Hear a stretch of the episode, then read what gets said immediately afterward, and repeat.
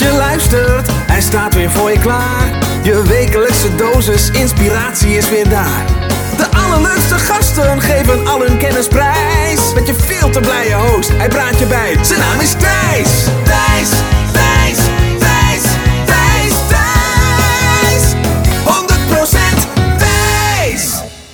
Welkom bij een kerstverse aflevering van de 100% Inspiratie podcast met Bentinho Massaro.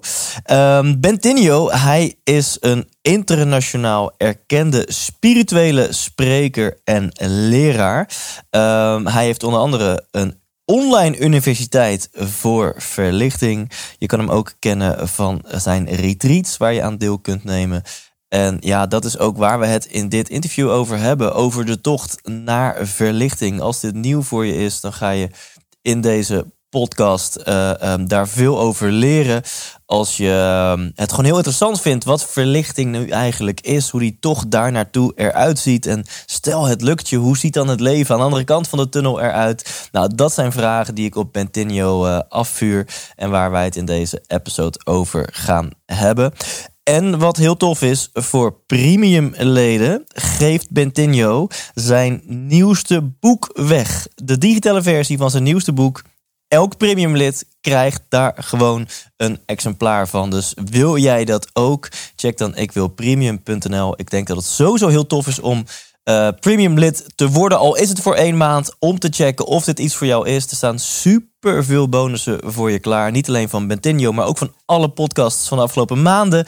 Waar je, waarin je mij hebt horen praten over eh, premium. En je steunt mij ook nog eens om deze podcast live te houden en te blijven uitvoeren. Dus eh, ik zou het heel erg tof vinden. En volgens mij is het voor jou ook gewoon heel waardevol als je dat wilt checken op ikwilpremium.nl. En dan krijg je dus ook Bentinho's nieuwste boek gewoon gratis cadeau. Tot slot, eh Bentinho spreekt heel weinig Nederlands, ondanks dat hij van origine Nederlander is. Eh, dus dat wil ik even eerlijk erbij zeggen. Dat is de reden dat hij soms een beetje aan het zoeken is naar eh, woorden. En ik vind het heel tof dat hij op verzoek van mij dit interview ook gewoon in het Nederlands heeft gedaan. Dus dankjewel daarvoor Bentinho en voor jou als luisteraar of kijker. Heel veel plezier en misschien zelfs verlichting gewenst. Hier is Bentinho Massaro. 100% Thijs. Nou ja, dan zitten, we, dan zitten we live in de uitzending. Ja, niet live, maar goed, we zitten in de uitzending. en eh, wel leuk om de luisteraar even mee te nemen, want dit is de eerste quarantaine setting opname. Ik heb er al een aantal gedaan, maar allemaal via Skype en via FaceTime. En nu heb ik mijn studiootje hier omgebouwd en eh, we zitten vier meter uit elkaar. We hebben allebei onze eigen plopkap, die gewoon corona en, eh, en speekselvrij is van vorige gasten. Ehm en Bettinho, voordat ik jou de eerste vraag ga stellen die ik altijd stel, wil ik eigenlijk meteen gewoon head first hierin duiken. Want ik had al zo'n vermoeden, ik voelde dat al aan. Van nou, waarschijnlijk is hij iemand die eh, wel een eigen mening heeft over eh, nou, het coronavirus en de maatregelen die nu worden getroffen. En ik voelde al zo'n beetje aan dat het als het aan jou lag, we elkaar gewoon een hand gingen geven.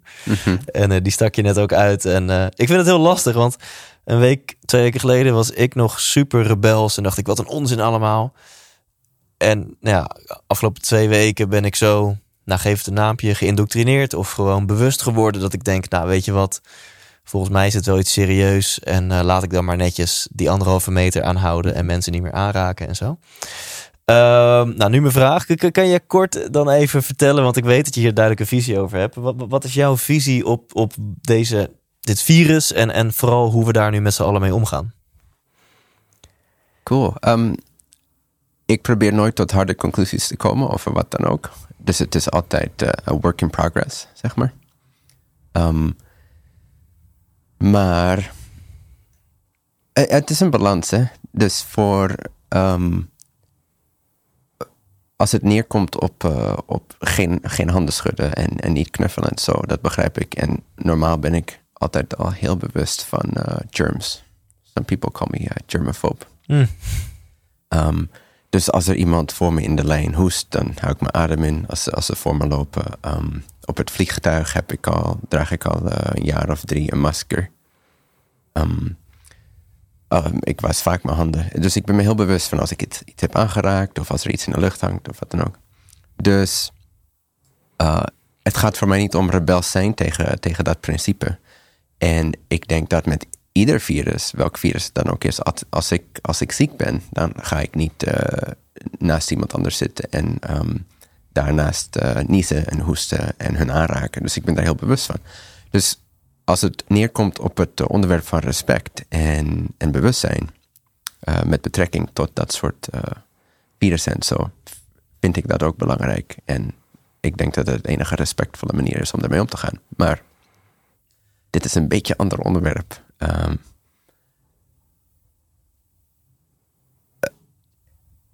het, hele, het hele gebeuren eromheen.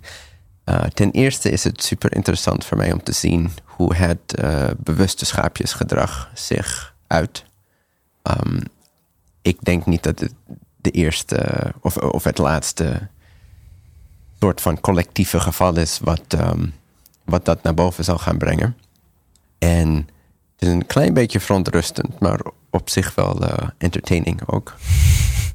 Om te zien hoe inderdaad geïndoctrineerd mensen zijn en hoe um, en hoeveel ze zeg maar blind vertrouwen op heel veel van de media en dat soort dingen. Nou heb ik natuurlijk ook al mijn eigen ervaring met de media en 9 van de 10 keer is het een uh, slechte ervaring. Dit is natuurlijk heel anders. jij, bent, jij bent één van de 10 keer. Ja, dus ja, de volgende 9 keer uh, ga ik skippen. Succes. Ja. maar um, ja, in de, als je eenmaal met de media bezig bent, zelfs de onschuldige niveau van de media dat niet gecontroleerd is, gewoon, het is alsnog, je praat constant met geïndoctrineerde mensen die, die een agenda hebben en um, een intentie. En het is, het is vrijwel nooit de pure intentie om echt daadwerkelijk een bericht over te brengen. Um, dus sowieso de media, maar ook de overheid natuurlijk. Uh, of misschien niet natuurlijk, maar voor mij vrij natuurlijk. Na alles wat ik uh, ervaren heb en onderzocht heb en de mensen die ik ontmoet heb. En uh,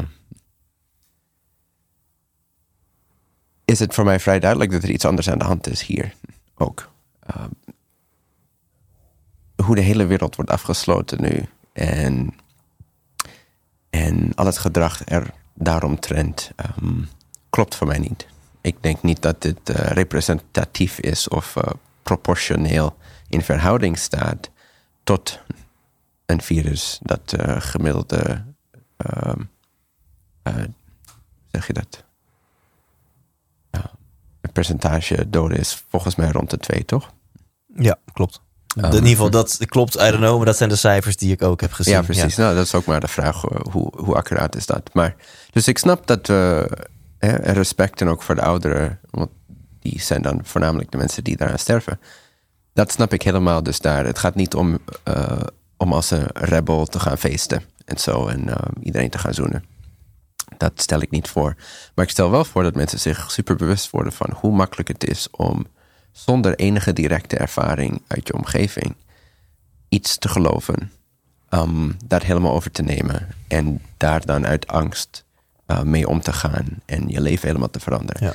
Want uh, het is, of het nou wel of niet zo is, maakt niet zoveel uit. Ik, ik geloof dat er een virus is. Ik, ik zeg niet dat het allemaal uh, verzonnen is, maar, maar alsnog, ook al is het niet verzonnen, is het een interessante observatie om te zien hoe mensen zonder enige directe ervaring, miljoenen mensen, honderden miljoenen mensen wereldwijd, miljarden mensen wereldwijd, zonder enige directe ervaring met iets, en daarmee bedoel ik in hun directe omgeving of ervaring, hebben ze geen enkel bewijs. Als ze geen nieuws of geen internet hadden gelezen of gehoord, of van iemand anders hadden gehoord, was er helemaal niks veranderd in hun leven. En nu door een bericht. En dat is de kracht van angst gekoppeld met media en, uh, en een bepaalde berichtscontrole die je kunt hebben. Of controle over wat je, wat mm -hmm. je mhm. uitzendt. Dat is het gevaar. Het is één grote cult. De hele wereld is uh, één grote cult. En, um, en dat werkt alleen maar omdat mensen zo bang zijn. Bang zijn om dood te gaan, bang zijn om ziek te worden, bang zijn om, uh, om hun pensioen niet meer te hebben, bang zijn om dit en dat. En het is allemaal, uh, allemaal prima, maar daarom zijn we wel super beïnvloedbaar en staan we niet meer echt in ons eigen centrum en op onze eigen benen. Ja. En, en bedoel je hiermee vooral te zeggen dat jij je het fascineert? Hè? Je zegt het is uh, ja, bijna eh, verontrustend, maar ook entertaining om te zien hoe, hoe schaapjesachtig mensen zijn. Dus uh, zie je het vooral door die bril van hey, wat interessant, hoe de menselijke psyche werkt. Of wil je ook suggereren van ja, jongens, de maatregelen, wat we nu met z'n allen doen, dat staat niet meer in verhouding tot, tot het werkelijke probleem, tot de, het virus wat we hebben. Ja, dus een paar dingen zonder tot vaste conclusies te komen. Um, ik geloof dat er heel, hele andere dingen aan de gang zijn. En dit is, um, dit is een schijnbeweging in heel veel opzichten. Ook al is er een bepaalde realiteit tot dat virus. Um, en moeten we daar respectvol mee omgaan wanneer het neerkomt op dat virus. Alles, al het andere eromheen klopt compleet niet met, met enkele andere historische virus dat uitkwam. En the, the, the numbers don't add up, basically, as they say. En dus ik, ik, uh, ik vertrouw het verhaal niet helemaal. Ik denk dat er heel veel anders uh, aan de gang is ook. En daar voel ik me over het algemeen heel goed over. Um, dus ja, het is, het is vrij entertaining ook. Um, en verontrustend in de zin van, nogmaals, hoe dat volgersgedrag zich kan uiten op een, op een supersnelle globale schaal. Is een klein beetje verontrustend, een beetje spannend. Mm. Um. ja, ja, ik snap wat je bedoelt. Sorry dat ik onderbreek, maar ik heb er ook op mijn Instagram uh, een paar weken geleden heel heftig op gereageerd. Dat ik echt zo oh ja. zei: Jongens, ik ben teleurgesteld in de mens. en wat zijn we? Wat hebben we toch een kudde gedrag? En wat zijn we naïef? Uh, maar goed, ja, naarmate de tijd vorderde en, en het serieuzer en serieuzer werd, dacht ik, ja, volgens mij kan ik ook niks anders doen dan concluderen dat dit blijkbaar echt een heel belangrijk ding is. En uh, heb ik zelfs nog naar mijn volgers soort van excuses aangeboden. Van sorry dat ik zo heftig was. En uh, misschien is het toch wel iets groters dan ik had doen vermoeden. Nou, in ieder geval wel netjes van je. Dat je, ja, dankjewel. Dat je op je eigen woord terug kan komen. Ja. En, uh... ja. Um, maar ja, ik heb je nu toch al volledig onderbroken in je verhaal. Dus nu ga ik je een, een, een nieuwe vraag hierover stellen. Je zegt van, ja. hey, ik, ik, ik, uh, uh, je zegt ook terecht, hè, ik wil niet conclusies trekken. Dit is ook helemaal geen politieke podcast. Dus ik heb ook niet mm -hmm. de intentie om controversiële uitspraken uit te lokken of om het hier een uur over te gaan hebben. Maar wat ik wel interessant vind, is dat je zegt: Ik denk dat er meer aan de hand is, mm -hmm. of dat er dingen aan de hand zijn die ons niet verteld worden. Zie je dat dan meer in de richting van zeg maar meer uh, conspiracies of meer in de richting van spiritualiteit, dat op spiritueel gebied er een bepaalde shift uh, gaande is? Uh, allebei, allebei. En daarom voel ik me daar ook voor het grootste gedeelte goed en optimistisch over. Ja omdat ik inderdaad zie dat er een soort van spirituele, ja, hoe noem je dat? Um, pressure, druk, al een tijdje aan het opbouwen is. En mensen, dit is de enige oplossing in mijn ogen, qua alles wat we nu uh, doen met z'n allen, is om mensen echt in directe verbinding met hunzelf te brengen en hun, hun spirituele intelligentie uh, te ontwaken. En uh, dat zie je dus ook heel duidelijk. Mensen komen wel samen. Nu, door dit symbool van het virus heb je, um, heb je wel een soort van eenheidsgevoel ook. Hè? Net als dat Oranje speelt in ja. de finale of ja. zo. Het is een beetje vergelijkbaar met als we alle, met z'n allemaal met z'n allen koning, Koninginnedag vieren. Of, en ondertussen, niet... ondertussen besluit iemand de straat oh ja. schoon te maken. Maar dat, nee, dat, dat, dat horen volgens mij alleen wij. Ik denk dat de luisteraar dat niet is vrij luid, hè? Maar hij is inderdaad vrij vrij luid onze. Ik weet niet wat het is. Wat zal het zijn? Een, uh, het klinkt als een karretje wat de straten reinigt. Mm -hmm. Doe het raam even dicht. Dat verbindingsgevoel is, is een van de mooie resultaten, vind ik zelf. Dus ja. dat mensen zich weer heroriënteren. In, in plaats van gewoon onbewust uh, hun routine door te gaan, wordt het ze wel uh, worden ze wel mooi stopgezet. En ze gaan echt nadenken over wat belangrijk is, familie, verbinding met jezelf. Um, en dus heel veel mensen zullen zich veel meer naar binnen keren en veel meer gaan zoeken naar ander soort antwoorden en ander soort uh, levenswijze. Dus ook vanuit dat opzicht voel ik me heel optimistisch qua waar dit zich allemaal naartoe gaat uh, stromen, zeg maar. En um, ja, ik denk dat het superbelangrijk is. En ik denk dat we nog meer reflectie gaan krijgen op globaal niveau in de aankomende, zeg, tien jaar. Um, die wellicht steeds intenser worden. steeds bedreigender worden of steeds chaotischer worden. En dat dus echt eh, mensen, zeg maar, ehm, opsplitst in twee kampen. Meerdere kampen, maar twee main categories. En dat is fear or love. Angst en liefde. Angst en bewustzijn. Onbewustzijn en bewustzijn. En dus heel veel mensen zullen zeg maar in paniek en angst uitbreken en hun leven een beetje vergooien. En ehm, reageren op alles wat ze zien. En in een staat van angst leven. En heel veel mensen zullen ook um, ervoor kiezen om zich bewuster op te stellen en echt de antwoorden dieper te zoeken. Ja. En um, kun je daar wat meer over vertellen? Want ik heb het idee dat je hier best wel een, eh, een beeld bij hebt wat er nu aan het gebeuren is. En je, je mag lekker spiritueel zijn in deze podcast. Dat kunnen mijn luisteraars eh, prima handelen. um, ik heb wel eens van mijn. Uh, ik was begin dit jaar onwijs ziek. Dat, dat was niet zo'n beetje ziek. Ik. Uh, nou, bij wijze van spreken dacht ik dat ik dood ging. Ik wist natuurlijk dat het niet zo heftig was, maar het was echt uh, heel heftig. En toen kreeg ik van een aantal volgers ook wel berichtjes van iets in de richting van, nou, sinds december 2019 of zo zit de wereld in een nieuwe energie. En dit is een transformatiegriep. En de wereld is een transformatie. En 2020 is een belangrijk jaar in spirituele zin. Dus ik heb er wat losse vlodders van gehoord. Verder niet in verdiept. Ik, mijn hypothese is dat jij er wellicht wat meer van af weet. Uh, uh, dus klopt dat? En zo ja, kun je daar iets meer over, over uitweiden? Ja, dus ik, ik zal af en toe even voor Nederlandse woorden zoeken, want ik ben alles vanuit Engels aan het vertalen naar het Nederlands. En anders gebruik je gewoon lekker Engelse woorden, dat mag ook. Oké. Okay. Um,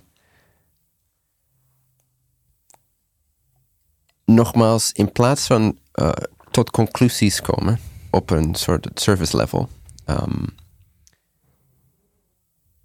het is belangrijker om de mechaniek, de mechanische werking van dit proces te begrijpen.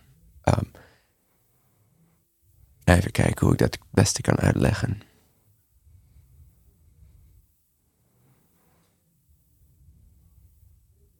Als je begrijpt dat alles in een bepaalde staat van vibratie is. En alles wat we zien en horen en voelen en ervaren feitelijk bewustzijn is dat op een bepaalde frequentie of, of um, ja, frequentie resoneert of uh, vibreert, dan kun je ook beter begrijpen dat er bepaalde cycles zijn um, in de kosmos, waar we door um, transformatieprocessen heen gaan. Maar de transformatieprocessen zijn het resultaat van een hogere frequentie, hogere energiegebied of, of um, soort van, some people call it cloud, like a, cloud of energy. Ja. So, ho hogere energetische, um, ja, gedeelte van de kosmos waar wij uh, doorheen uh, spiralen. um, en als resultaat zie je al jarenlang een bepaalde opbouw van energie, een bepaalde alle evenementen komen samen en, zijn de uitdrukking van, van dit uh, metaphysical, um, metafysische, zeg um, proces. En dus alles wat we voelen komt veel meer naar boven. Alles wat we denken komt veel meer naar boven. Alles wordt steeds publieker, uh, meer transparant. En alles wat in het onbewuste vastzat, komt nu in het bewustzijn omhoog. En dit leidt tot heel veel verschillende soorten acties en evenementen wereldwijd. En dus ik geloof inderdaad dat de frequency, um, de vibratie van ons universum, waar wij, althans waar wij ons in bevinden, en aarde, most specifically, zich in bevindt, geforceerd wordt door die hogere frequentie om zich aan te passen. Um, ik snap dat dit allemaal nog een beetje vaag klinkt, maar het is een beetje lastig uit te leggen zonder analogieën. Uh, um, analogies. Ja. Dus alles wat we zien, al de veranderingen die we zien, of zoals ze het noemen, de transformatiegriep, dat is wel een leuk woordje, um, is onderdeel van een veel groter, grotere transformatie die al tientallen jaren aan de gang is. En die gaat, die, die druk bouwt zich steeds meer op. Dus als je, als je als je bijvoorbeeld een, een wiel hebt in een klokwerk die veel eh, sneller draait en een ander wiel die minder snel draait, allemaal met tandjes. Als je die samenzet, um, zonder dat zeg maar langzaamaan in te wijden, dan uh, dat gaat gewoon niet samen. Dus dat wordt uit elkaar ge, ge knalt uit elkaar. Ja, knalt uit elkaar. um, een beetje hetzelfde principe als je vibratie verhoogt in een bepaald gedeelte van iets en dat komt samen met een, een uh, slomere vibratie, dan is daar een aanpassingseffect dat uh, zich mm. plaatsvindt. En aangezien alles dat wij, uh, waar wij ons mee identificeren, lichaam, denken, sinds dat allemaal electromagnetics, magnetic energy is, moet dat zich aanpassen aan deze hogere frequentie belt of cycle of area, hoe je het ook wilt zien of noemen. En dus gedachten worden steeds sneller, manifestaties. Um, alles wat verborgen was, everything that was hidden shall become manifest. Um, as I think Jesus said. Um, dus alles wat verborgen is, wordt uh, in het openbaar gebracht, wordt helder, wordt bewust. Um, en ook de stormen en elektromagnetische velden van de aarde en de solar, de solar energy, um, solar flares en dat soort dingen. Um, zowel als onze verhouding op een collectief niveau en zowel bewust als onbewust met het collectieve bewustzijn en de verschillende lagen of niveaus van ons, uh, van onze beschaving. Dus daarmee bedoel ik zeg maar de verhouding die wij hebben tot onze overheden en de media en dat soort dingen en de banken. Dat is dus ook, komt ook allemaal aan het licht en begint ook allemaal te veranderen. Um, en dan als je dus tot te veel conclusies gaat komen, dan krijg je een beetje te veel van dat politieke conspiracy um, energie. En dat is vaak ook niet zo goed voor je spirituele ontwikkeling, als je daar te ver in meegaat. Um, maar het gaat er wel om dat je bewust jezelf opstelt en niet afhankelijk bent van um, andere agenda's. Dat je echt uh, sterk staat in je eigen intuïtie en je eigen logica. En ergens is dit en alles wat er nog gaat komen een grote roeping, een calling voor ga je kiezen voor angst of kies je voor liefde? Juist. En waar ik dan heel nieuwsgierig naar ben, en daarna gaan we ook meer over jou hebben. En, en ik ben heel benieuwd naar jouw levensverhaal en de luisteraar uh, al helemaal. Um, als de mensheid in die twee kampen te, te verdelen is en dat dat nog veel duidelijker gaat worden, onder andere door zo'n crisis als corona. Hoe denk je daar dan over? Um, hoe oordeel jij daar eigenlijk over dat sommige mensen kiezen voor angst en anderen kiezen voor liefde? Eigenlijk mijn vraag achter de vraag is: kan je er wat aan doen dat jij voor liefde of dat jij, want het klinkt al snel van ja, de goede mensen kiezen voor liefde hè, en de stomme mensen die kiezen voor angst. Maar kan je er wat aan doen voor hmm. welke van die twee jij kiest? Kan ik er wat aan doen? Of kunnen mensen er kunnen zelf mensen wat er wat aan doen? Oké. Okay. Um, ja, kunnen ze er wat aan doen? Ja, maar uiteraard, uh, je, weet niet wat je niet weet. Dus als je wel weet wat je niet weet, dan uh, kun je er iets aan doen. Maar als je niet weet wat je niet weet, dan um, kun je er helaas vrij weinig aan doen. Ja. En dat is dus ook de enige manier waarop ik zie dat ik, uh, dat ik van invloed kan zijn op de wereldsveranderingen. En, en iedere persoon die zich bewust opstelt en die een bericht heeft, um, of een visie heeft. En dat is niet door dingen zozeer te veranderen, maar om dingen bewust te maken. En mensen de keus te geven. Door bewustzijn uh, te creëren, zeg maar. Of uh, mensen te ontwaken. Ja. En als ze wakker zijn, om het zo even te noemen. Ja. En dat, dat is een spectrum. Het is niet, oh, ik slaap nu en nu ben ik wakker. Ja. er zijn eindeloze gradaties van bewustzijn, zeg maar. Maar als mensen bewust zijn van het feit dat ze een keuze hebben, ja, dan kunnen ze er iets aan doen. Dan kunnen ze en ook al hebben ze dan nog steeds een supersterke neiging naar angst, omdat dat onderdeel is van hoe ze zich in het verleden geconditioneerd hebben, dan hebben ze tenminste een keus om zich daarop uh, in te lezen, te studeren, mediteren, de zoektocht aan te gaan, zeg maar. Met de intentie om dat inderdaad te veranderen. Als inzien dat dat een, een, betere keuze is voor hun uh, welzijn en de staat van de wereld, dan hebben ze in ieder geval die keuze. Dus in plaats van de wereld veranderen, is het meer om uh, de wereld uh, zeg maar te inspireren, zoals jij doet. Ja. En te ontwaken door educatie. Ja, cool. En ik geloof er heilig in dat, dat alleen het, bewust, het bewustzijn al een, een hele grote stap is. Op het moment dat je net, dat net zei, van nou ja, uh, ga je met zoiets als corona, reageer je met angst of reageer je met liefde? Dat vond ik meteen alweer inspirerend. Dat ik denk, ja, verrek. Ik ging meteen bij mezelf na van, hé, hey, op welke gebieden kijk ik er een beetje angstig naar? En op welke gebieden omarm ik het juist? Dus alleen al, nou, dit gesprek al is hopelijk al voor veel mensen een, een awakening van, hey, wacht eens eventjes. Kies ik voor angst of kies ik voor liefde? En, Ik hoop het. En ik denk dat vaak de associatie uh, verkeerd gemaakt wordt in dit soort situaties. En je, en je sprak er al een klein beetje over qua uh, je, de rebelliousness. Hè? ja. Um, dus mensen zien vaak. Als ik niet voor angst kies, dan werk ik ook niet mee aan het. Uh, of dan doe ik niks tegen het probleem. Dus we hebben die associatie dat angst uh, beter is of voor meer oplossingen zorgt dan liefde. En liefde betekent niet dat je geen logica meer gebruikt. Dus een, um, there's a saying that's uh, trust in God, but tie your camel. It's an Arab saying. Um, toegedragen aan de, de profeet Mohammed. dus geloof in God of vertrouw in God of vertrouw in het leven, vertrouw in het universum, open je hart, uh, vertrouw in liefde. Um, verhoog je vibratie, verhoog je bewustzijn.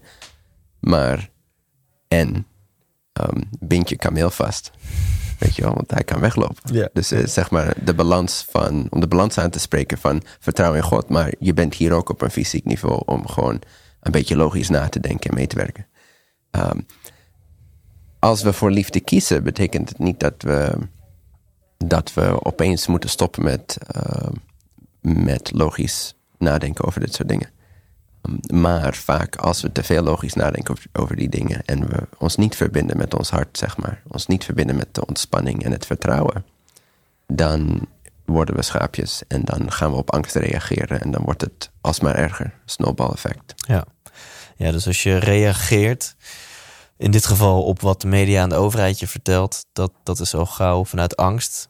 En als je de verbinding met jezelf vindt, dan is het makkelijker om vanuit liefde te kunnen reageren. Um, jij hebt al op vrij jonge leeftijd soort van uh, ja, de keuze gemaakt of de zoektocht geopend richting verlichting. Dat is natuurlijk mega bijzonder. Kan je de luisteraars meenemen in waar, waar is dat allemaal begonnen? Op welke leeftijd maakte jij kennis met, met spiritualiteit en, en is dat eerste zaadje al geplant? Hm. Rond, volgens mij was ik tien of elf.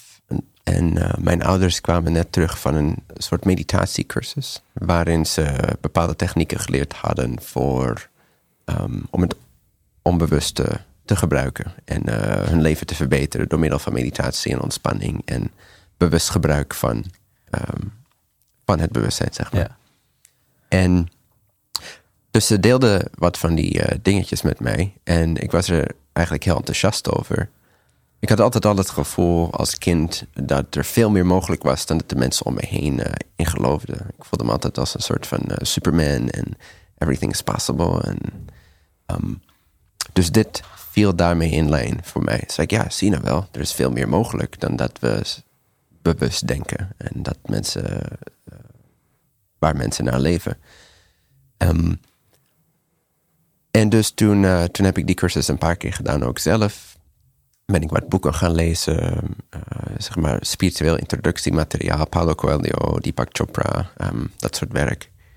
En dat was allemaal heel inspirerend voor mij. Ik begon al meteen uh, al mijn vrienden te vertellen en zo wat er mogelijk is. En de, teacher was already there. De leraar uh, was al, zat al in me.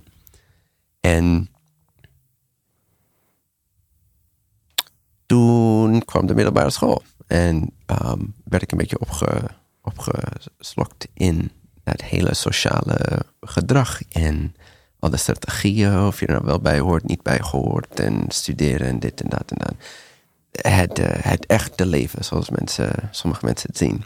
En voor mij was dat um, een ontwaking rond rond de leeftijd van, uh, ik denk dat ik 14, 15 was, begon ik me opeens, vrij plotseling, soort van uh, life review te doen. Dus ik. Uh, en ik merkte dat ik toen ik 10, 11, 12 was, voordat ik de middelbare school inging, dat ik veel gelukkiger was. Ik voelde me veel meer als mezelf. Ik had dat, de, de spark of life zat in me, gevoel dat alles mogelijk was. En, en ik voelde opeens in contrast tot die herinneringen dat ik mezelf had laten onderdompelen in een soort van quasi-depressieve toestand, waar vrijwel iedereen zich in bevindt.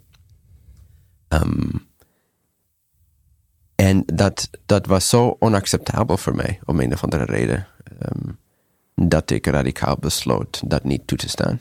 En weer mijn zoektocht te hervinden, zeg maar, naar wat is er daadwerkelijk mogelijk en wat is, wat is nou echt de, de bron van het leven? Wat is nou de werkelijke kennis die ik wil hebben?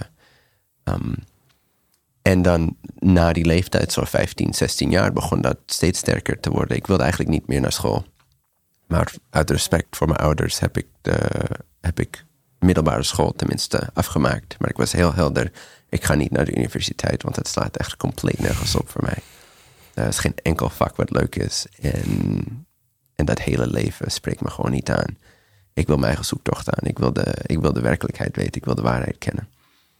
Dus toen, uh, na mijn school ben ik, uh, ik ben gaan sparen, baantje genomen, gaan sparen. En toen ik uh, afge, niet afgestudeerd, zeg je dat? Als je geslaagd, toch? Als je van de middelbare school. Ja, dat, dat heet een geslaagd, ja. ja. Dus toen ik geslaagd was, ging ik naar India. Ik was 18, geloof ik. En heb ik daar voor zes maanden een beetje rondgezwerfd. En van Swami naar Guru, naar yoga, naar yogi. Um, gegaan. En, um, dat zijn allemaal, allemaal teachers die je daar hebt ontmoet? Of? Ja, precies. Dus de yogis en de swamis en de teachers en de gurus en stuff.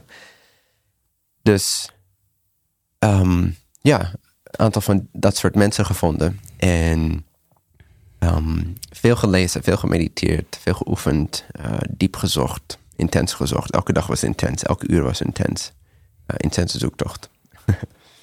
um, geen normaal moment, zeg maar, altijd heel bewust, heel intens aan het zoeken naar de waarheid. Daarvoor, voor ik naar India ging, uh, kwam ik uh, de Yoga Sutras van Patanjali tegen. En dat is zeg maar de daadwerkelijke basis voor yoga. De yoga zoals we het nu kennen is uh, feitelijk niks. Het heeft helemaal niks te maken met yoga. Yoga betekent union. En gaat veel meer over de verlichting. Um, en dat inspireerde me om naar de bron van yoga te zoeken, India. En van daaruit heb ik heel veel andere dingen bestudeerd en, en geoefend. En, um, en toen vond ik inderdaad, was het begin van het einde van mijn zoektocht, vond ik inderdaad um, de verlichting waar ik naar zocht. En um, toen begon ik vrijwel meteen dat over te brengen. Online eerst en toen een paar jaar later in de vorm van uh, publieke sessies of meetings. En kun je voor de luisteraar waarvoor je nu misschien iets te snel gaat, kun je voor hem of hmm. haar even kort stilstaan bij het woord verlichting. Je zocht verlichting, je vond verlichting. Wat, wat is dat? Mm het is maar een populair woord en ik, ik ben er niet aan gehecht, maar ik gebruik het omdat ik dacht dat misschien mensen daar al een relatie mee hadden. Maar, en we kunnen het gebruiken, verlichting. Als je een donkere kamer binnenloopt en je ziet niks en je doet het licht aan en dan zie je alles. Alles wordt helder. het onbewuste wordt bewust. De werkelijkheid is niet meer zo'n mysterie. Um, het wordt een directe ervaring. Verlichting is, uh, is de ervaringsgewijze wetenschap, kennis en beoefening van de waarheid van het leven zelf, of, of de aanwezigheid van het leven zelf, de helderheid van het leven zelf. Er zijn zoveel manieren waarop ik dit kan uitleggen. Ja, nou, um, kun, je zeggen... Een, dus als jij een beetje aangeeft wat je denkt het beste is voor jouw publiek. Stel je hebt een, een... Wat is wat jou betreft, en dat is zonder daar een hiërarchie in te zien of zo... maar een, een, mochten mensen dat denken... Wat is nu het verschil tussen een niet verlicht persoon en een wel verlicht persoon? Of, of iemand die op zijn minst streeft naar verlichting, zeg maar. Kun je dat wat, wat, wat concreter maken? Ja, nog, nogmaals, het is geen, uh, zoals je weet, het is geen zwart of witte lijn. Ja. ja. Gebied. Het is uh, it's an endless spectrum. dus de vraag uh, hangt af van waarop dat spectrum we een beetje zitten. Maar ik begrijp, je, ik begrijp de essentie van je vraag als zijnde: wat is nou het verschil um, in de ervaring van een persoon die zich vrijwel compleet onbewust um, opstelt in het leven en een persoon die um, althans een soort van neiging heeft naar de werkelijkheid ja. of, of althans uh, directe ervaring van vrede en helderheid en zelfkennis. Ongeveer? Ja. Okay. Grootste verschil is dat. Hm, grootste verschil is dat uh, die, de onverlichte persoon, om het zo even te noemen, um, vrijwel niet geïnteresseerd is in zelfverandering of zelfkennis. Dus ze gaan vrijwel compleet uh, leven ze gebaseerd op gedachten die opkomen. Dus er is vrij weinig bewustzijn tot soms geen bewustzijn. Van wat ze denken. Wat ze denken is de werkelijkheid voor hen. Er, is geen pauze, er is geen um, afstand, er is geen bewustzijn van het verschil tussen gedachten en werkelijkheid. Dus gedachten is werkelijkheid. Ja. automatic pilot, hè? automatisch piloot. Ja. Um, dat kunnen we, zeg maar, de laagste tree van de ladder noemen. Is uh, compleet onbewust denken is werkelijkheid, die aanname. Um, en dan nogmaals zijn er heel veel niveaus van bewustzijn.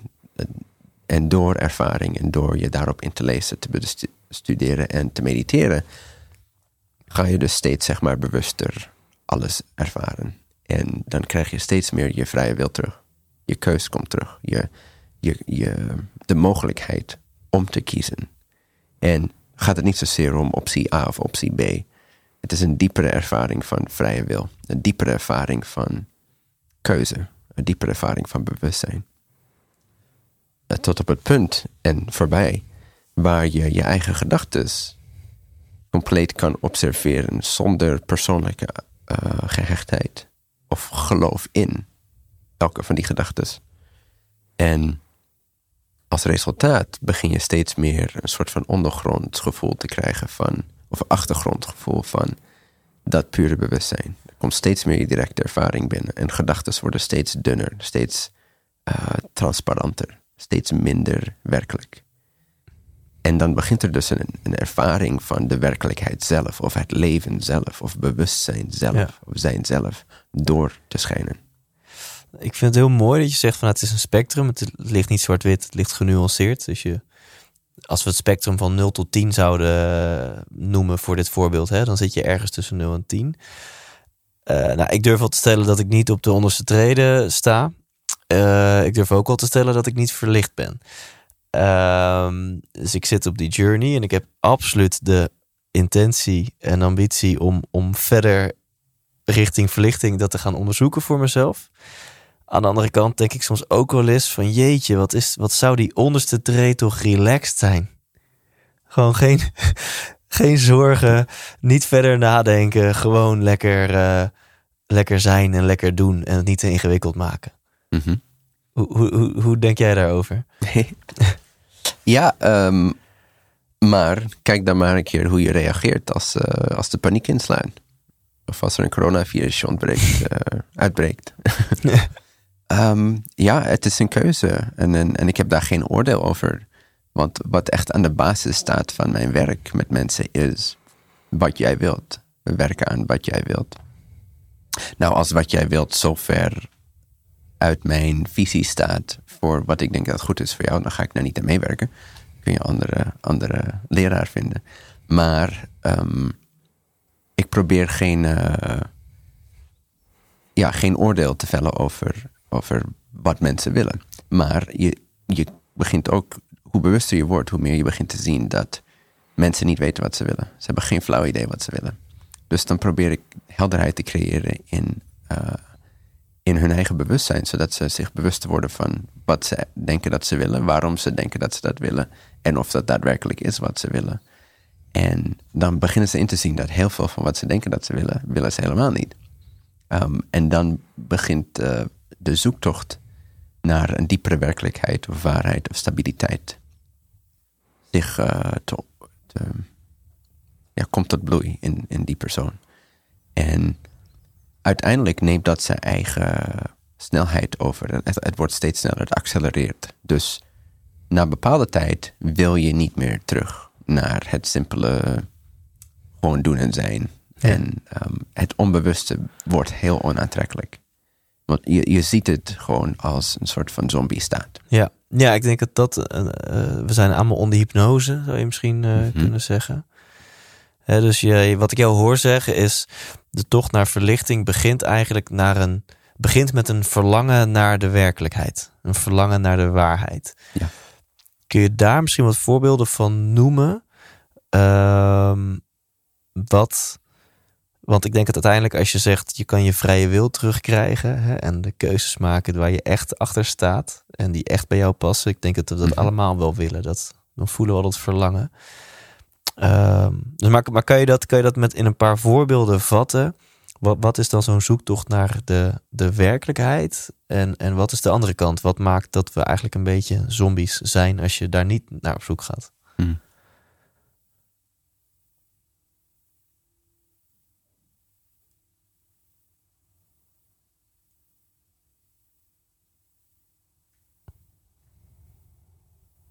Voor sommige personen is het een diepe innerlijke drang. En ze, kunnen het niet stoppen. Wat voor mij het geval was, bijvoorbeeld.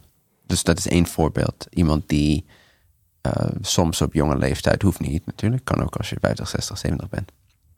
Maar soms op jonge leeftijd al een sterke drang heeft naar, die, naar de waarheid, naar iets meer, naar, naar een bepaald bewustzijn. Dat, waar de meeste mensen niet uh, naar streven. Dus dat is één soort voorbeeld, maar komt niet komt niet zo heel vaak voor.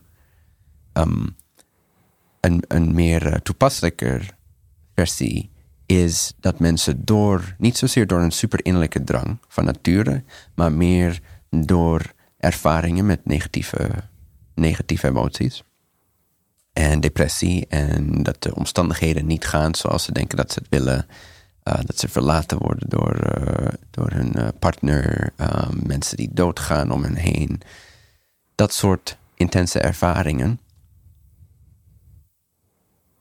creëren een, uh, planten een zaadje, zeg maar, in ja. hun bewustzijn. En, ja. en hoe meer van die ervaringen ze hebben, hoe meer ze die vragen gaan stellen. Ja. Want op een gegeven moment heb je de enige, de enige keuze die je hebt qua reactie tegen ervaringen die jij ziet als negatief.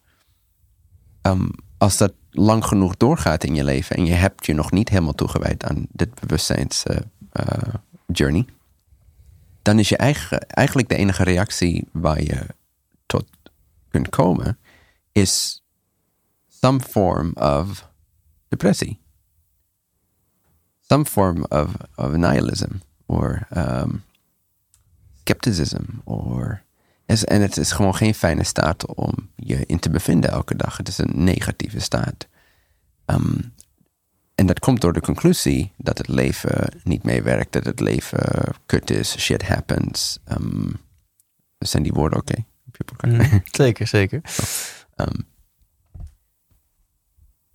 en dus of mensen vallen in, in een verdere reactiepatroon dat negatieve, negatief getint wordt, zoals dat. En dan gaan ze of drinken of drugs doen of andere manieren vinden om zich, uh, zeg maar, te ontlasten van deze mentale definities die niet uh, in alignment staan met de werkelijkheid. Of de zoektocht wordt steeds meer aangedrongen, wordt steeds meer um, geïnspireerd door die negatieve ervaringen of door die lastige emotionele ervaringen. En dat is een, een meer uh, toepasselijk, misschien voorbeeld van hoe het voor veel mensen gaat, hoe dat project gaat. Of dat traject. En, en dan terug naar jouw zoektocht. Hè. Je was 18, je was geslaagd. En toen ben je naar India gegaan, ontmoet je een hele hoop uh, uh, leraren, spiritueel leraren. En je zei dat was een hele intense periode. Mm -hmm. um, en, en daarna ontstond er vrij snel de drang om dit te gaan delen. Um, Die drang was er altijd al. Um, soms beschrijf ik het alsof ik twee, twee geesten heb of twee, uh, twee denkers. Um, en dit was zeg maar altijd bij me. Dus terwijl ik op mijn eigen proces zat te kouwen en te mediteren en te lezen en te studeren, was er een soort van tweede mind met, die met me meekeek vanuit het ooghoek. Altijd, altijd direct daar. Dus het, even kijken, hoe kan ik het uitleggen? De tweede oogspunt was altijd vanuit perspectief. Ehm, hoe kan ik dit in een vorm gieten waar mensen er iets van begrijpen? Dat is de essentie daarvan. How can the average Joe understand this? How can I make this fair and accessible to everybody? En dus vrijwel iedere gedachte die ik had, of, of iedere nieuwe realisatie, uh, iedere, uh, iedere nieuwe realisatie die ik, die ik, uh, die ik had, was er dit distillatieproces van iets complex um, naar iets dat toegankelijk is voor mensen die niet dezelfde drang hebben als die ik had. Want ik zag al heel vroeg in dat zonder die intense drang zoals ik die had, kom je er niet. Klinkt een beetje negatief, maar ik heb het, en ook daarna heb ik het steeds, steeds weer gezien in mensen. Als je echt daadwerkelijk een diepe transformatie van je bewustzijn en je ego wilt ervaren, zodat je toegang hebt tot gelukzaligheid binnenin jezelf en helderheid en stabiliteit en freedom. Call it enlightenment, liberation, vrijheid, bewustzijn, uh, verlichting. Als je dat echt wil, dan moet je het ook echt willen. Je, je krijgt het niet zonder dat je het echt wilt. Ook al is het al onze natuurlijke staat. Het is heel ironisch of uh, paradoxical. -hmm. Maar dus ik zag al heel vroeg in dat het was voor mij al heel moeilijk. En ik had een intense drang. Uh, het was voor mij heel moeilijk om, om die dingen te begrijpen en ze, ze ervaringsgewijs te begrijpen. En het echt in mijn ervaring te brengen. Um, en om helderheid te krijgen over wat is het spirituele pad nou eigenlijk? Hoe werkt het nou echt in de basis van uh, mechanisch? Hoe werkt het? Niet wat is wat is nou de geloofsovertuiging van deze cultuur of die cultuur of die lineage of die persoon? Want elke persoon heeft een andere interpretatie van spiritualiteit. Maar ik wilde echt, ik wilde echt tot een basis komen die universeel is. Dat als jij 100 miljoen lichtjaren vanuit hier uh, op een andere maan of planeet staat en er is daar een andere bevolking, dat spiritualiteit voor jou precies hetzelfde werkt. Want als het een universeel bewustzijnsproces is, dan is de, de culturele invulling daarvan moeten we doorheen kunnen zien. En we moeten tot een echte basis kunnen komen. Een basis um, um, begrip die universeel is. En daarom zullen we ook ons pad accelereren. Want anders dan worden we heel veel afgeleid door de culturele interpretaties. En dan krijg je die uh, religie-battles en de filosofische battles. En, en dan missen we eigenlijk de essentie van, van de kosmische structuur van spiritualiteit. Dus daar was ik naar op zoek. En, um, en altijd met de tweede soort denken van hoe kan ik dit nou toegankelijk maken voor iemand met een veel minder intens verlangen dan ik. Dus dat ze toch daarvan kunnen gebruik kunnen maken en, en de, de reap the fruits zonder zonder dezelfde in, en, en hun leven opzij te moeten zetten en naar India gaan en dit en dat. Ja. Want de meeste mensen gaan dat gewoon niet doen, zag ik heel Ze gaan dat gewoon niet doen. Al komen ze naar een meeting van mij, gaan ze nog steeds niet dat doen. Um, dus heel veel van de mensen die na mijn meetings komen en zo, of mijn werk bestuderen, hebben nog steeds niet dezelfde uh, intensiteit van de, hun verlangen als dat ik die had slash heb, hoe je het ook wil zien. En zonder dat verlangen wordt het moeilijker. En dus ik probeer zoveel mogelijk het zo toegankelijk mogelijk te maken dat, dat er inderdaad een ervaringsgewijze shift is in mensen met minimale verlanging. Ja, dus dat is, dat is jouw missie geworden om, om, om spiritualiteit en verlichting, om dat voor de average Joe uh, begrijpbaar en toegankelijk te maken. Uh, en laten we eens kijken of, of we in deze podcast met kleine stapjes hè, daar al uh, dat kunnen doen. En ik denk dat mensen op zich al de, de pijn voelen van zeg maar blijven hangen in het onbewuste. In onbewust denken en doen. Eh, want we willen, niemand van ons wil een slaafje van het systeem zijn. En, en wil eh, een leven lang hebben geademd zonder echt te hebben geleefd. Toch? We willen allemaal onze eigen keuzes maken. Dus ik, ik denk, en anders luister je deze podcast ook niet. En al, anders heb je al lang, ben je al lang afgehaakt in dit gesprek. Hè? Dus dat je nu heel ruim een half uur naar luistert, dat, dat geeft aan dat je hongerig bent. En dat je dus wat jij noemt, dat je klaar bent voor die, of in elk geval nieuwsgierig bent naar die transformatie in bewustzijn, transformatie in ego. Uh, kan je ons eens meenemen hoe, hoe, dan die andere kant daaruit ziet? Want je zegt, als je, want die andere, je krijgt hem niet gratis, die transformatie. Maar als je, als je die doormaakt, dan wil je echt niet meer terug. Dan is dat mhm. totaal niet meer aantrekkelijk. Dus kan je, kan je ons eens meenemen? Je kunt, niet, je kunt niet meer terug. Je kunt niet meer terug. Dus je kunt niet meer terug. Neem ons mee. is onmogelijk. hoe, hoe, bright is de wereld als je die transformatie hebt gemaakt? Um, ja. um, nou, ik weet niet of een beschrijving daarvan het uh, toegankelijker maakt, maar misschien uh, creëert het uh, wat, hoe zeg je dat, intrigue. Um, de, je ervaring van jezelf wordt heel anders. Je ervaring van het leven wordt heel anders. Um, niet, niet in het begin, in de beginstadia, de beginstapjes van de ladder, zeg maar. Maar naarmate je dieper zoekt, dieper mediteert, dieper bewust wordt, hoger bewust wordt, uh, je trillingsniveau, als het New Age uh, wil zeggen, zich verhoogt, dan wordt je waarnemingsvermogen anders. De, de manier waarop je dingen ziet en waarneemt en ervaart, wordt anders. En het wordt steeds anders. Meer en meer anders. Hoe hoger op die ladder van bewustzijn je stapt, hoe anders het wordt. Um,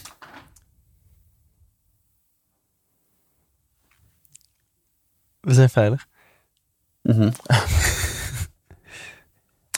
en um, oké, okay, dus mijn ervaring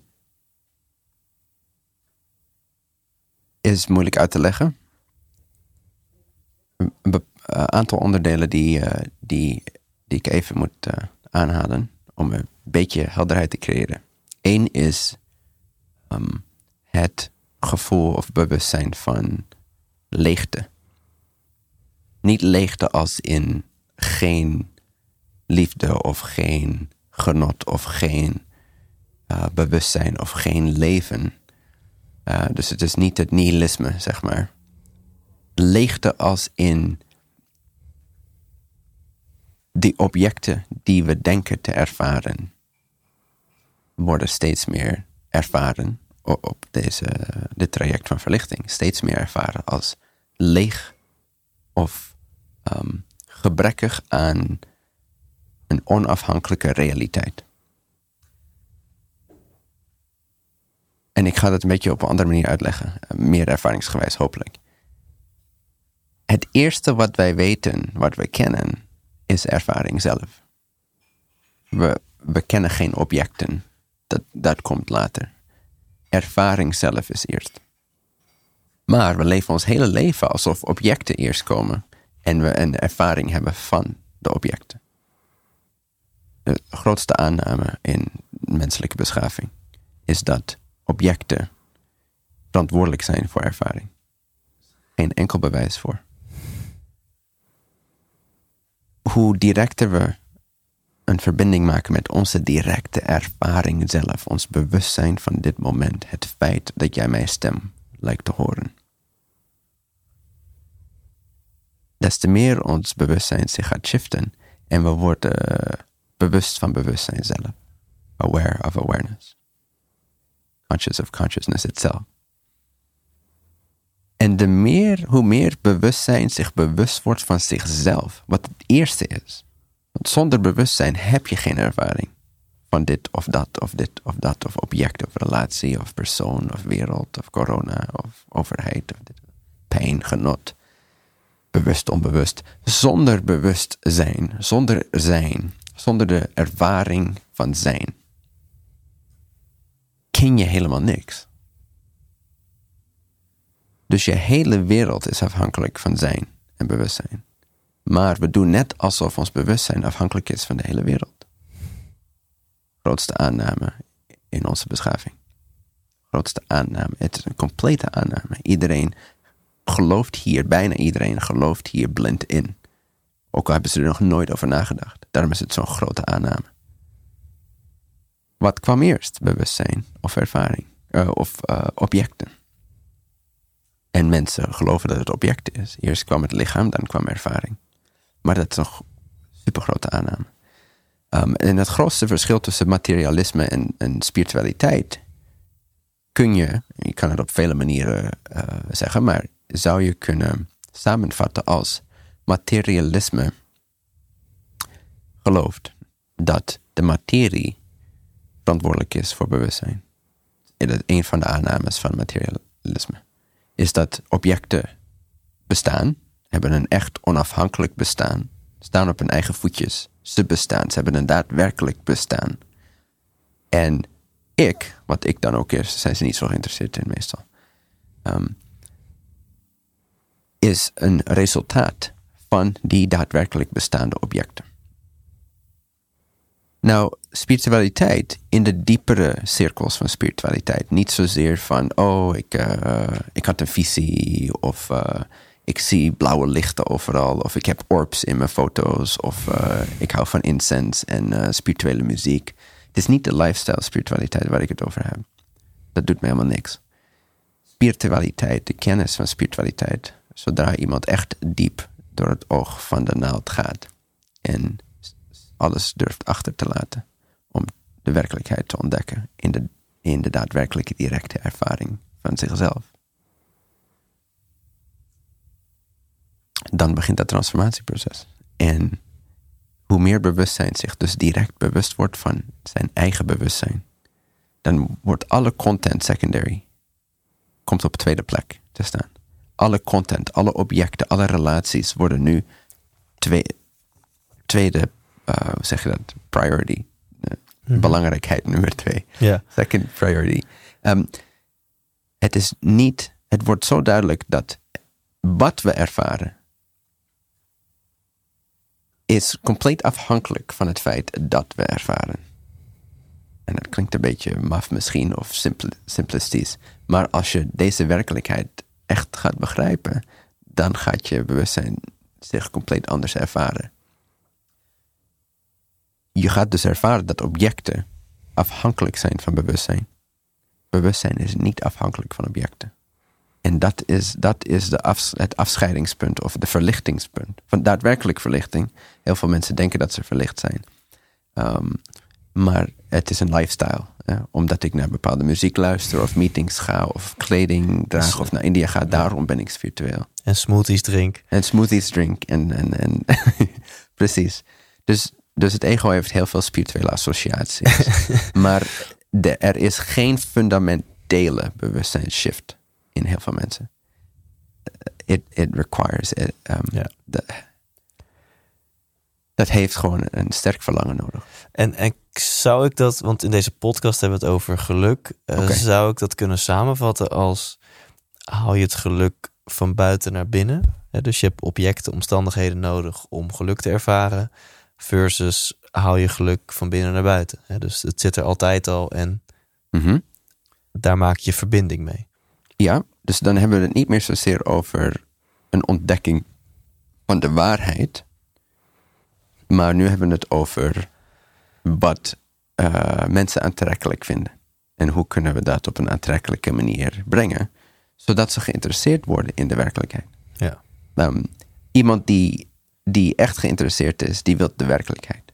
Of het nou gelukkig is of niet. Ja. Um, maar geluk is een goed. goed uh, en uh, de werkelijkheid is gelukkig. Dus ik kan dat alvast delen. Ja, ja, uh, on the other side, there is brightness. There is, a, there is bliss that you cannot imagine. gelukzaligheid. Innerlijke gelukzaligheid en vrede en helderheid.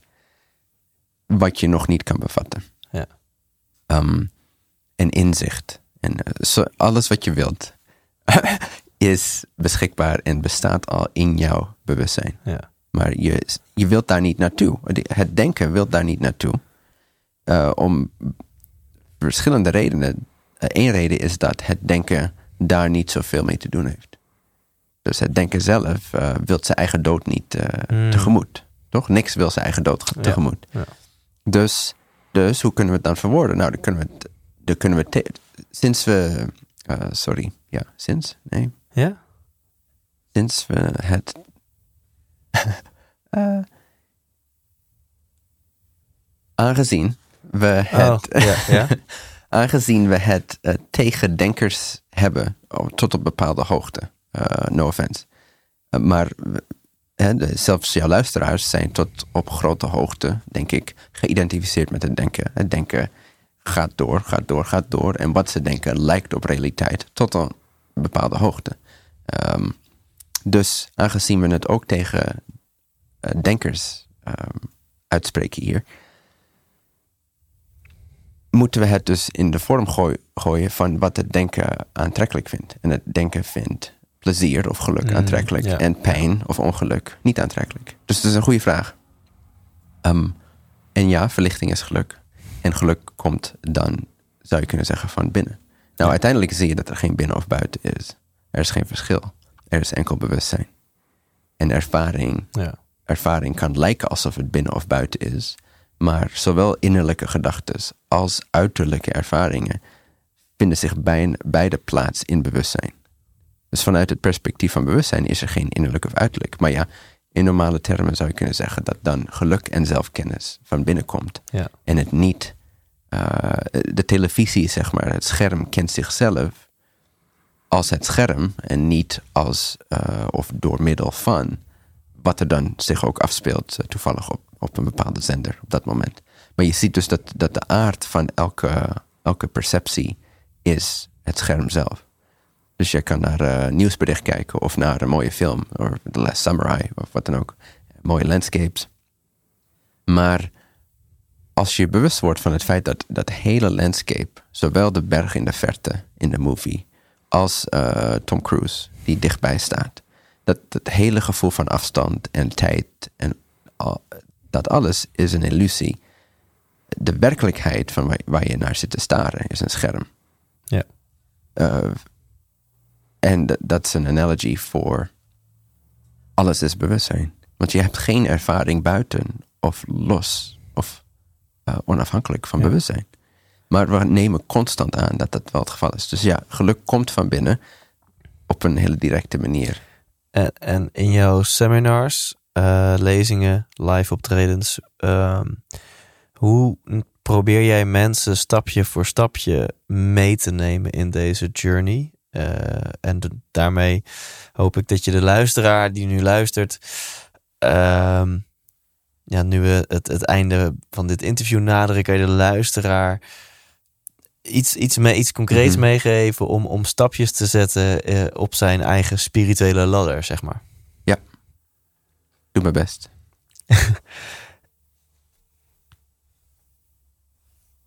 Als je meer geluk wilt. Ehm, de volgende techniek eh, is, eh, is heel toegankelijk en heel effectief. Als je die daadwerkelijk meerdere malen per dag gebruikt. En het eh, neemt geen, bijna geen tijd in beslag. Maar je hebt er wel een beetje een intentie voor nodig. Een beetje discipline, een beetje de wil om echt dit te proeven voor jezelf. En voor sommige mensen, die zullen het iets helderder ervaren al de eerste keer. Andere mensen iets, eh, iets minder helder. Maar hoe meer je hier geïnteresseerd in bent en dit beoefent, hoe meer je een ervaringsgewijs eh, eh, ja, gevoel kan krijgen van wat ik probeer mee te delen. Dus geluk is binnen jezelf. En om hier toegang tot te krijgen. Als je, als je op een of andere manier je gedachten kan stoppen, al is het maar voor één seconde. En mensen denken dat ze niet kunnen stoppen met denken. Maar dat wordt waargenomen. De gedachte, ik kan niet stoppen met denken, is een gedachte die je waarneemt. Als je daar bewust van wordt, dan ben je eigenlijk al aan het stoppen met denken. Als je bewust wordt van het feit dat jij aan het waarnemen bent, dat je een gedachte hebt die zegt dat je niet kan stoppen met denken, dan heb je al meteen een bewustere relatie met jezelf. En dan word je al veel meer bewust van de afstand tussen jezelf en gedachten. Dus dat is een aanname dat je niet kan stoppen met denken. En, eh, je moet een beetje oefenen voordat je het onder de knie krijgt. En je hoeft niet zonder gedachten helemaal te, stil te kunnen zitten. Maar als je voor 1, 2, 3, vaak zeg ik tussen de 2 en 5 seconden, als je heel even al je beschrijvingen van het leven, al je gedachten over het leven stil kan zetten. Gewoon radicaal alle, alle oxygen uit de lucht van, van de geest trekt. Geen, je, laat, je staat het denken niet toe om te denken. Voor twee tot vijf seconden. Gewoon even heel radicaal, heel snel voor een moment. Het gaat niet om onderdrukking van gedachten of dat soort dingen. Het is alleen om even de introductie tot een diepere staat van zijn direct mee te maken. Want als je die niet direct meemaakt, als je die niet direct ervaart, dan ga je het nooit willen. En dan weet je op een gegeven moment niet meer waar je het moet zoeken. Dus als je even kan stoppen met denken, of zo min mogelijk kan denken en zo helder mogelijk bewust kan zijn van het denken. Maar even aan te nemen dat mensen voor één seconde kunnen stoppen met denken. Even zo bewust kunnen zijn dat ze één moment kunnen stoppen met denken. Eén seconde. In die één of twee seconden herken dat er een gevoelsmatige, definitieloze, vormloze staat van bewustzijn overblijft. Er blijft een bestaan over. Zonder gedachtes besta jij, wat dat jij dan ook is. Je kan alleen maar gedachtes hebben over jij, maar jij, een essentie van jouw bestaan, bestaat. En dat kunnen we bewustzijn noemen, puur bewustzijn. Bestaat of je nou wel of niet denkt. Of je nou wel of geen emoties hebt of je nou wel of geen beschrijving hebt van je omgeving of andere mensen of je leven. En het verhaal wat je hebt over jezelf heeft niks te maken met jezelf. Het bestaan, jou. Het is allemaal een, een, een, filmprojectie. Het is allemaal een verhaal waar we in geloven. Dat is het onbewust, de onbewuste staat, of de onverlichte staat. De bewuste staat is waar veel meer van het bewustzijn zich bewust is van zijn eigen bestaan, ongeacht gedachten of, ervaringen van de, van de senses en, en, objecten. En wat er dan gebeurt met oefening, het gaat niet, uh, voor de meeste mensen is het niet uh, van de een op de andere dag. Je moet daar weken, maanden lang mee bezig zijn.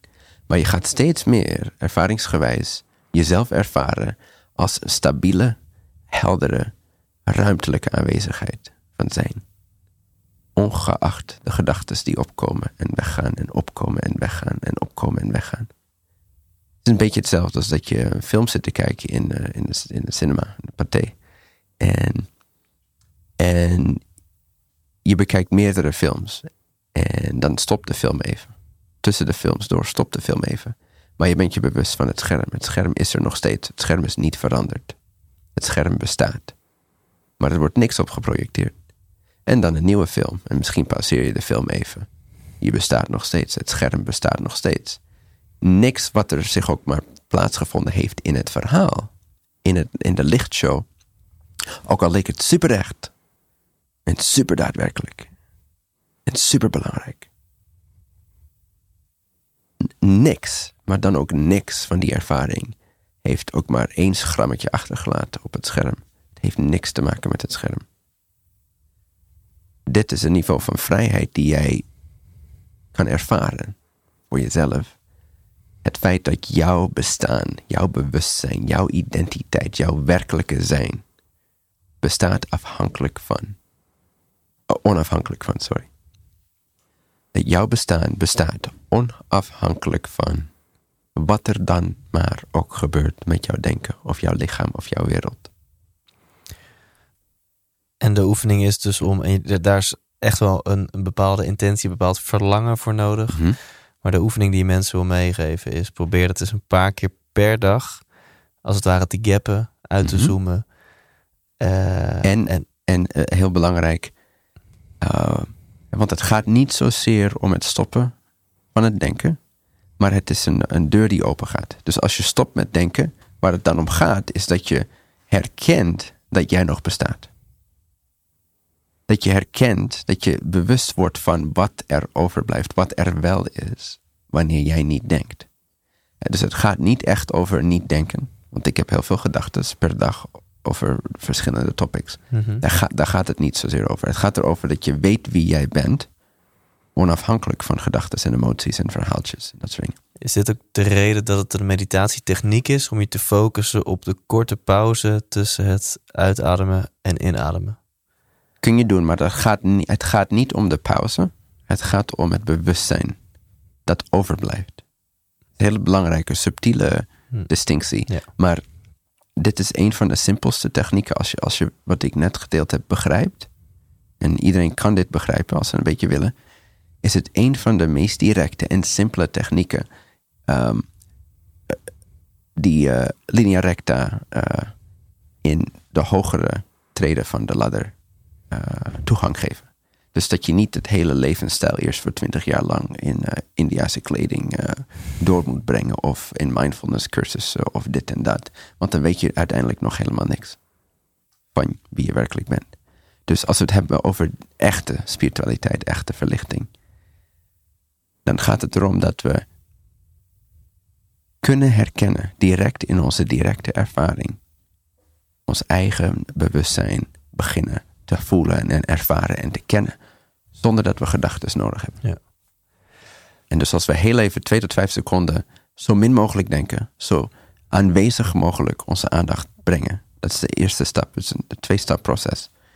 Dus eerst stop je met denken, word je heel bewust, eh, heel aanwezig. En dan, in dat moment, bijvoorbeeld tussen twee, eh, tussen inademing en uitademing in, of tussen één gedachte en de, en de volgende, in die zeg maar pauze, of dat moment van aanwezigheid, dan te herkennen dat heldere, ruimtelijke, aanwezige bestaansgevoel van ik besta. Dat direct weten van ik ben, ik besta, I am, I exist. Ik ben me bewust van het feit dat ik ben. Zonder dat ik er iets aan toevoeg, een gedachte of een ervaring of een memory. Gewoon puur en alleen Ja. ik ben. Het, het voelt al lekker als je het zo voordoet. Mhm. Ja. En eh, misschien is dit de vraag der vragen en is er geen makkelijk antwoord op. Maar ik, je hebt het al een aantal keer genoemd, aanwezig zijn in het moment. Gewoon de observatie van wat er, wat er gebeurt. Ik ben ervan overtuigd dat in het, in het moment er niet zoveel stress kan zijn. Dat in het moment het leven eigenlijk luchtiger is. Mhm. Ehm, en het is ook een beetje modewoord aan het worden. Hè? Het hier en nu, mindfulness. Maar kun je, kun je mensen iets meegeven over hoe ze meer in het moment kunnen leven? Ehm een manier is dus de techniek die ik net gedeeld heb. Een andere toegangspunt. Eh, Het komt allemaal neer op wat je wilt. En dit zie ik oh, steeds weer, steeds weer, steeds weer komt dit, eh, wordt dit bevestigd. Het maakt niet uit wat ik deel hier. Het gaat erom dat mensen weten wat ze werkelijk willen. Want als jij weet wat je werkelijk wilt, dan kan niks je stoppen. Als je niet weet wat je werkelijk wilt, of je denkt dat je iets wilt, maar je wilt het niet echt, dan zijn de resultaten altijd middelmatig. Ja. Op zijn best. Ehm, dus techniek is, is, is zo op tweede plek. De, Ja. de wilde intentie, het verlangen is de eerste, Mooi. eerste, eerste plaats. Dus een techniek om je verlangen preciezer te maken en purer te maken, is om simpelweg ehm, onderzoek te doen binnen jezelf naar wat je denkt dat je wilt. Ga even na of, je, of dat eh, echt van binnen kwam. Of dat je dat ergens hebt opgepikt, een idee. Van nou, ik wil dit of dat worden, want het verdient goed. Of eh, ik wil naar dit feest, want eh, dit is het beste feest. Of eh, wat dan ook. Is het daadwerkelijk iets wat je wilt? Als jij met drie maanden doodgaat, wil je dat nog steeds? Wil je nog steeds accountant worden? Wil je nog steeds een lawyer worden? Wil je nog steeds opscheppen dat je dokter bent? En dat je zoveel geld verdient? En wil je nog steeds naar het beste feest? Eh, nou, misschien wel, als afleiding of wat dan ook. Maar als je daadwerkelijk drie maanden te leven hebt, wat blijft er dan over van je verlangen? Welke verlangen is daadwerkelijk jouw verlangen? En terwijl je zeg maar die dingen opgraaft van de dingen die je denkt dat je wilt, en je schrijft ze misschien op even voor helderheid, van oké, ik wil dat, dat, dat. En je hoeft niet te stoppen, gewoon blijf doorschrijven. Ik wil dit, ik wil dat, ik wil dit, ik wil dat. Al is het eh 15 pagina's. En dan ga je over die eh, regels heen. Dan lees je die regels. Uh, misschien hardop naar jezelf of, gewoon in gedachten. En dan, terwijl je naar die regels luistert, um, kun je ze individueel beschouwen en, en vragen waarom je die wilt. Maar voornamelijk, wat de shift is in verlangen, is zodra een persoon zich realiseert dat wat ze willen niet de moeite waard is, dan verandert alles in hun leven. Het is zo belangrijk om eerst te weten wat je denkt dat je wilt. Dan in te zien dat het niet is wat je wilt. 99% van wat je wilt. Mhm. Wat je daadwerkelijk wilt, heb je vrijwel geen bewustzijn van. De meeste mensen hebben daar geen daadwerkelijk bewustzijn van. Dus vrijwel 99% van waar je, waar je op komt, als je vraagt: wat wil ik nou eigenlijk? Um, is niet helemaal de waarheid. En als jij kan onthullen naar jezelf, heel in complete helderheid, dat wat je dacht dat je wilde, eigenlijk helemaal niet is wat je wilde. Want waar het naartoe leidt is super tijdelijk. Het is voor de verkeerde redenen. Het is om op te scheppen, of het is om je vader of moeder te pleasen. Of het is om uh, je dan beter te voelen in je sociale status. Of het is om als afleidingsmanoeuvre. Er zijn zoveel redenen waarom we denken dat we iets willen. En dat kost ons zoveel energie en moeite en tijd. En we stoppen daar zoveel onbewuste energie in. En dan leven we onbewust daar naartoe. Dit is geen zelfkennis, mensen. Dit is destructief gedrag. Onbewust schaapgedrag. En dan, als ik een mediagigant zou zijn, dan kan ik je allerlei ideeën voorleggen. Met mijn bewustzijnsniveau. Eh, en sommige mensen hebben dat bewustzijnsniveau in die uh, branches ook. Tot bepaalde hoogte. Je ziet gewoon de component. Je kan gewoon een schaak, schaakspelletje spelen met mensen. Nou, maakt niet uit. Maar uh, dat bewustzijn is waar het om gaat. En als we eenmaal erachter komen dat we niet willen wat we dachten dat we willen, want het is het niet waard, dan gaat al die energie valt terug op een dieper niveau van wat we daadwerkelijk willen. En je kunt het blijven doen, blijven doen, totdat je tot de essentie of kern komt van wat jij daadwerkelijk wilt. En dan heb je het uh, uithoudingsvermogen of de, de attention span, de aandacht, zo noem je dat. Nee, de aandacht en de wil om daadwerkelijk te ontdekken wie je bent en wat je nou daadwerkelijk wilt uitdragen. En ik kan me heel goed voorstellen dat dit mensen nieuwsgierig maakt. Uh, dat weet ik wel zeker. Um, als mensen met jou deze journey uh, aan willen, waar kunnen ze meer informatie over jou vinden? Of over jouw uh, live events als je die doet en jouw online courses? Ik doe ze niet vaak, maar althans niet meer. bentinhomassaro.com um, heb je een beetje overzicht over van alles. Een goede introductie. Ik heb ooit een online school gecreëerd. Waar uh, heel veel van mijn teachings um, gestructureerd in de vorm van videocursussen uh, staan opgesteld. En dit is vrij uh, van kosten.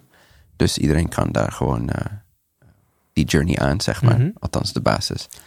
En dat is, die school heet Trinfinity Academy. Dus um, dat is Infinity Academy, maar met een T en een R ervoor. Trinfinityacademy.com. Um, ehm, dat is een goed, goede introductie. Want dan word je, dan word je bij de hand, zeg maar, uh, stap voor stap um, geïntroduceerd in, in, dit soort teachings. En word je of meer geïnteresseerd, of wordt het duidelijk dat je niet geïnteresseerd bent. Um, en verder heb ik nog heel veel recordings op uh, En als mensen echt uh, de diepte in willen en echt getraind willen worden, heb ik een paar cursussen. Eén is een jaar langer cursus, die andere is ongeveer een half jaar. En die kun je vinden op civilizationupgraders.com. Maar dat is meer uh, als je al bekend bent met ja. het werk. En als je echt de diepte in wilt. Check. Ik, uh, ik zal alle linkjes uh, erbij zetten. Dat is wel handig voor de mensen. En tot slot, laat ik je gewoon de microfoon geven. Heb je nog een slot message te delen met de luisteraar?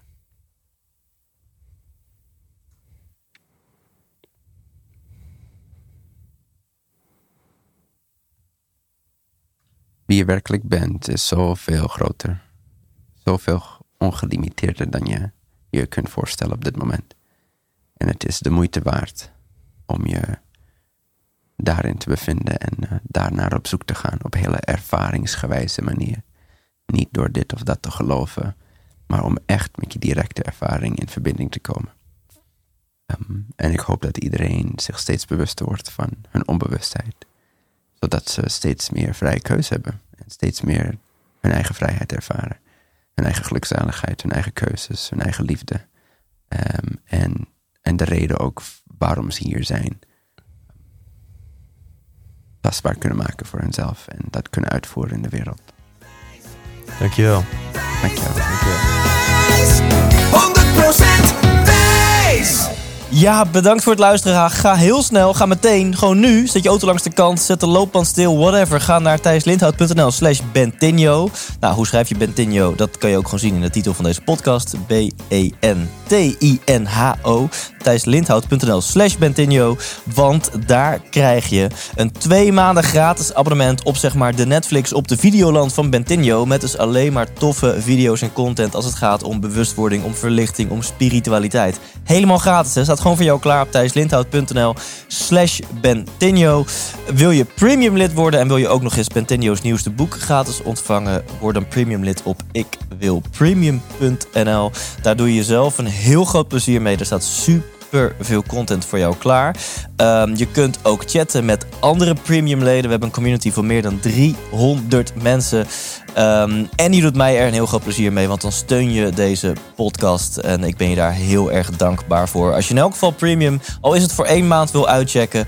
Uh, en je kan eigenlijk alleen maar winnen. Je kan het risicoloos uittesten, want je investeert 20 euro. Je krijgt een berg aan mega waanzinnige content voor jouw persoonlijke groei. Als je het tof vindt, dan blijf je lekker plakken. En zo niet, dan kun je gewoon elk moment opzeggen. En heb je gewoon één leuke maand gehad. En deze podcast ook nog eens gesteund. Dus bedankt daarvoor. Mocht je premium eh, lid worden, Bentinho, onwijs bedankt voor uh, dit mooie gesprek. En al je giveaways voor mijn premium leden. En gewoon ook voor alle luisteraars op thijslinden.nl slash Bentinho. Tot volgende week en leef intens.